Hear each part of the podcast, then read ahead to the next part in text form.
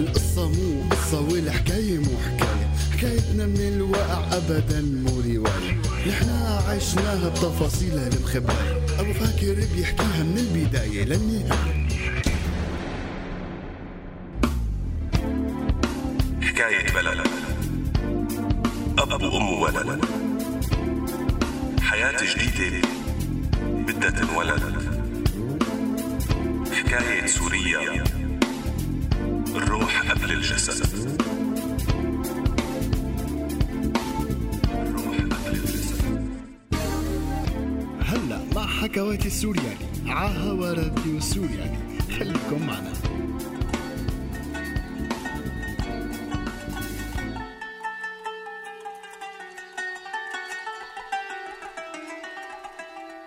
يسعد لي أوقاتكم إخواتي السورياليين وأهلا وسهلا فيكم بحلقتنا الجديدة من حكواتي السوريالي ويلي رح نكمل فيها حكاية معن الشاب المدلل يلي كان عايش حياته براحته وما كان وراه مسؤوليات ولا التزامات. موظف دولة بالنهار والمسا بالقهوة مع رفقاته وكله آخر تمام. بس مع الأيام تزوج البنت يلي بحبها. طبعا أبوه لمعن هو اللي ساعده بكل شي. من البيت لفرشه للمونة اللي بتكفي ابنه ومرته كم شهر وبعدها لازم يعتمد على حاله بشكل كامل مثل ما فهمه أبوه. هالشي طبعا اضطروا إنه يشتغل شغل تاني المسا مشان يصرف على البيت وعلى بنته الجاية. مرت الأيام وصار وقت الولادة. صار وقت يجي فرد جديد على هالعيلة الصغيرة. وهون وقفنا المرة الماضية ومن هون حنكمل. فرستقولنا قعدتكن حتى نبلش. عرفت الهوى مد عرفت الهوى. عرفت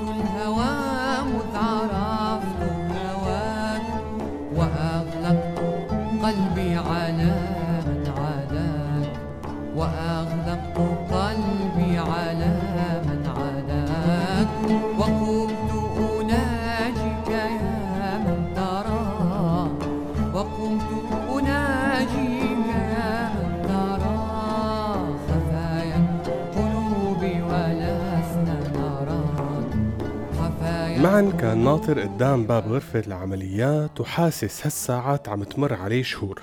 الخيالات والأفكار تمر بباله بسرعة ودقات قلبه يتسارعوا مع كل فكرة. ما فهم ليش جاي إحساس غريب. كان قلبه مقبوض شوي. حاول إنه ما يفكر غير ببنته والأيام الجاية. يفكر كيف بده يلعب معها ويشوفها عم تكبر قدام عيونه. انفتح الباب وطلعت الممرضة عم تمشي لعنده عمهلة هو هون ما عاد تحمل وراح بخطوات سريعة كتير لعندها وسألها كيف مرتي وبنتي فهميني فجاوبته مع ابتسامة بردت له قلبه وقالت له اتنيناتهم كتير مناح بس ناطرين هلأ لتصحى مرتك من البنج لنطالعها من غرفة الإنعاش لغرفتها. معن هون ما عطى فرحته لحدا رغم إنه لسه مو فهمان ليش حاسس بضيق بصدره بس حس بشوية راحة واطمن بس مع هيك لسه ما حيرتاح ليشوفهم ويمسك بنته بين إيديه. وصار الوقت وفات على الغرفة وشاف بنته من بعيد. نزلوا دموعه بدون ما يحس ووقف يتأملها. يتأمل حركاتها ورمشاتها. يتأمل جلدها المحمر المجعلك يلي لسه ما نشف.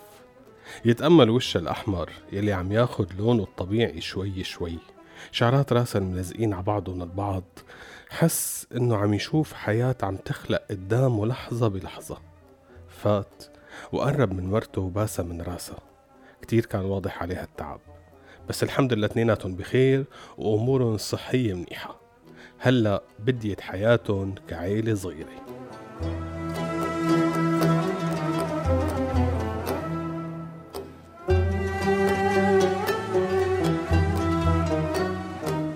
ومرت الأيام وهالعيلة الصغيرة كبرت وصار عندهم بنت تانية سموها سارة. وهيك صاروا أربعة معن وراوية وساشا وسارة. وبلشت الحرب بسوريا. هو هيك كان شايف حرب. كل التلفزيونات هيك عم تقول أنا بدي أفهم أكتر منهم وأقول هي ثورة ولا لا. أساسا نحن خرجنا نعمل ثورة. بعدين دخلك ليش لنعمل ثورة؟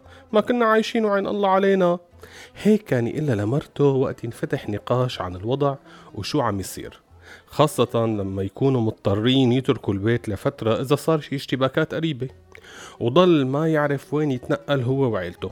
شهر ياخدهم على بيت أهله شهر على بيت أهله بعدين يرجعوا على بيتهم يردوا يطلعوا. وبلش وضع البلد يتدهور أكتر وأكتر. مو مشكل. عم نقدر ندبر أمورنا وماشي الحال. بس شو هالمصيبة الجديدة هي؟ شو احتياط ما احتياط؟ يا والله إذا هلأ سحبوني على الجيش بعشر سنين ما بتسرح. لك أنا ما صدقت إمتى خلصت الخدمة تبعي وخلصت من الضباط وتحكمهم بحياتنا. بيجي هلأ برجع تحت رحمتهم؟ وإمتى بوقت حرب؟ يعني ممكن ببساطة أروح بشي طلقة أو تفجير؟ لا راوية مو معقول أبقى هون بالبلد وأنسحب احتياط لمين بدي أترككم انت والبنات؟ وقرر يطلع على تركيا يجرب إذا بيقدر يتأقلم هنيك ويشوف إذا ممكن يلاقي شغل. طلع هو وكم شاب بيعرفهم استأجروا بيت سوا وبلشوا يشوفوا شو ممكن يشتغلوا. القصة بدها لغة أو رأس مال أو بدك تشتغل بالأسود يعني مخالف. ساعتها يعني حيكون شغل كتير ومصاري قليلة يعني استغلال. إيه لا مو ظابطة مو ظابطة بنوب. الحمد لله بيتي موجود وشغلي برجع بكمله. أنا راجع على البلد يا شباب. تركهم للشباب بعد ما مضى معهم شي ست شهور ورجع على سوريا. بس لما رجع شاف إنه ما عاد في يتحرك بسبب الأوضاع الأمنية اللي زادت سوء والتدقيق الكبير اللي صار على الحواجز. شغله ما عاد في يستعيده لأنه أساسا نص التجار نقلوا شغلهم برات سوريا. وشغل الدولة يا حبيبي على هالراتب مع الغلا مو منطقي اللي صار بالبلد وبلشت الديون تتراكم عليهم. الأفكار السوداء تزيد شو مستقبل بناتهم هون؟ لا سمح الله إذا صار لك شي أو صار لي شي مين بده يربيهم؟ أمان ما في أكل ما في لا طلعه ولا فوتة ما في شي بالحياة. هون يعني هون صرنا عبارة عن عن حبس حبس كبير. لازم نلاقي حل نأمن على مستقبل البنات. هيك حكت راوية معه وصارت كل فترة تفتح موضوع السفر لأنه خلص ما عاد تحس بالأمان. بعدين لهلا أبوه قدران يساعدهم ويستغل علاقاته مشان ما ينسحب احتياط. إيه بس ممكن بأي لحظة أو على أي حاجز يسحبوه ساعتها بيكون راح كل أمل بالسفر. لازم نتحرك معا ما في وقت. طبعا كل هاي الأفكار يلي راوية عم تفكر فيها وتناقش معا كانت ذاتها عم تدور براسه. بس صرنا بحاجة لبريك سريع نرجع لكم. انطرونا ما بنتأخر. فلا الحمد في ذاك لي فلا الحمد في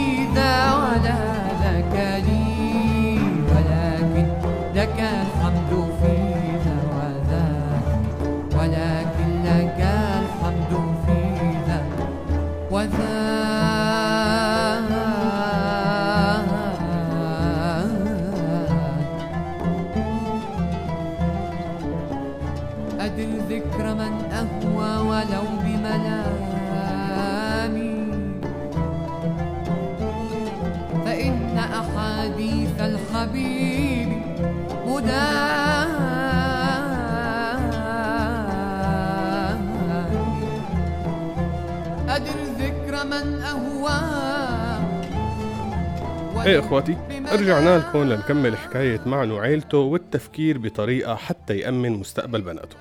ومع كل الأخبار والقصص تبع السفر والتهريب اللي عم تنتشر على الإنترنت قال لمرته شو رأيك أطلع على ألمانيا عن طريق البحر؟ الكل هلأ هيك عم يعمل وألمانيا عم تستقبل الناس وتمشي لهم أمورهم بسرعة.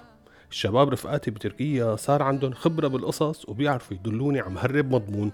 شو؟ يمكن هذا أفضل حل. صفنت راوية لشي عشر دقايق وردت عليه بإنه إيه ونحن بدنا نضل لحالنا هون نستنى قصة لم الشمل والوراق اللي أبصر قديش بدها وقت لحتى تزبط. هيك نضل كل حدا فينا ببلد من هون لوقتها الوضع هون بالبلد ما عاد معقول. فقال لها يا والله يا راوية هذا الخيار الوحيد اللي أنا شايفه. ما فينا ندفع المهرب حتى نطلع كلياتنا سوا يعني عم ياخدوا هديك الحسبة. وبنفس الوقت مستحيل أقبل انك تغامري بحياتك انت والبنات وتطلعوا بالبحر. غير أوروبا ما عاد قدامنا أمل لأنه كل الدول عم تسكرها علينا لك حتى تركيا ما عاد ينعاش فيها. خلاص خلينا نرتب أمورنا على هذا الشكل هذا أنسب شيء.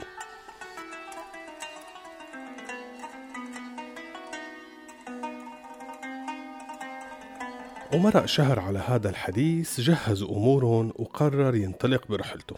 ودع مرته وبناته وطلع على لبنان. من لبنان لتركيا من تركيا بلشت رحلة الموت والمخاطر عن جد. صار يوم اطلع بهالقارب لملم اغراضه وضبن منيح. طبعا المقصود بكلمة اغراضه هن جواز السفر والإثباتات الشخصية تبعه وعقد الزواج وهالقصص. غير هيك ما بيقدر يحمل معه. حطهم كلهم بكيس فوقه كيس فوقه كيس وضبهم بشنطة صغيرة على خصره وانطلق. قبل ما يطلع بالقارب اتصل بمرته وحكى معها وهو غاصص وصوته ما عم يطلع. حكى مع بناته وحاول يكون قوي وما يبين عليه الضعف والخوف. هو هلأ ما بيعرف إذا كانوا رح يتيتموا من الأب أو لأ. حيفوت بمغامرة يمكن يطلع منها ويمكن لأ. بس اتكل على الله وطلع. مثله مثل هالشباب يلي هاجروا بالقارب. كان مرعوب وخايف. عم يدعي ربه ساعة بساعة.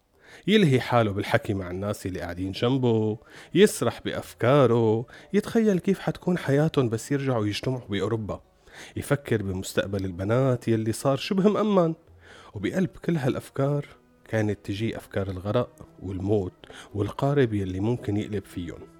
بس الحمد لله كان حظه منيح والبحر والموج يومها كانوا هاديين.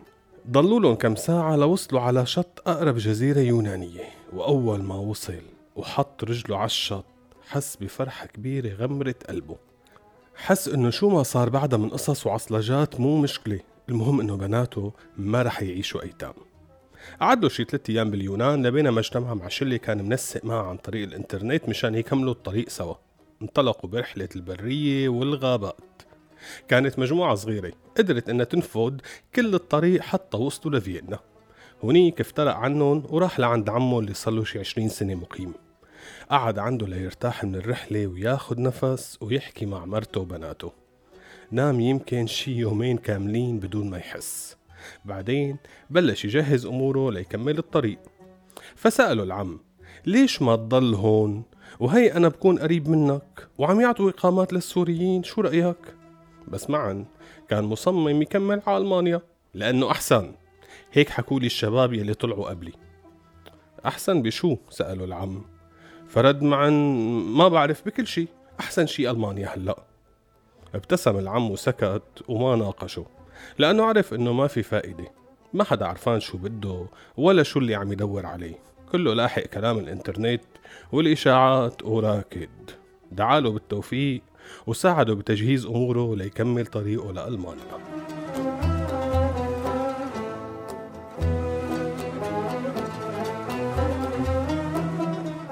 وصل على ألمانيا وسلم حاله. قعد بالكامب أو الهايم مثل ما بيسموه بألمانيا. القعدة كانت مانا مريحة أبدا بالنسبة له مفاجئة شو هاد؟ أربع شباب بغرفة صغيرة كل واحد عقل وكل واحد مزاج وكل واحد جاي من بلد شكل. مو على أساس بيعطوا للواحد بيت؟ والله كلام يلي عم يقولوه العالم مو ظابط. بعدين كأنه الطاسة ضايعة. ليش هذا طلعت له الإقامة بظرف شهرين والتاني لهلأ صار له سبع شهور ما عمل حتى محكمة؟ لك واثنين جايين مع بعض ومقدمين نفس الأوراق الثبوتية. معقول أكلت كم بالجاي لهون؟ وبلشت الأسئلة تكتر براسه والدنيا تضيق قدام عيونه. بس ما في حل مو معقول بعد ما طرق كل هالمشوار يلف ويرجع. ومثل ما بيقول المثل حط على جرحه ملح وقعد ساكت عم ينتظر. بهالأثناء مرته بالشام قاعدة لحالها بعد ما سافروا كل أهلها وبيت حماها. بقيت قاعدة ببيت العيلة وناطرة يبعت لها معا شي خبر إنه مشي الحال. وانتظار ورا انتظار مرت أيام وشهور. وخلص وقت حلقتنا لليوم. الأسبوع الجاي بكملكم حكاية معا وشو صار معه ومع عيلته. استودعناكم. فإن أحاديث الحبيب مدامي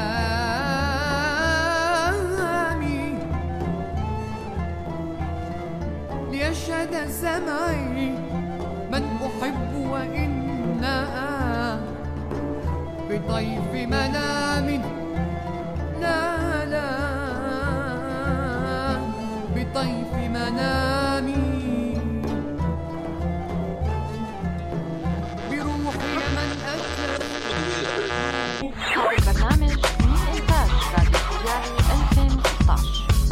Small Radio Suriani.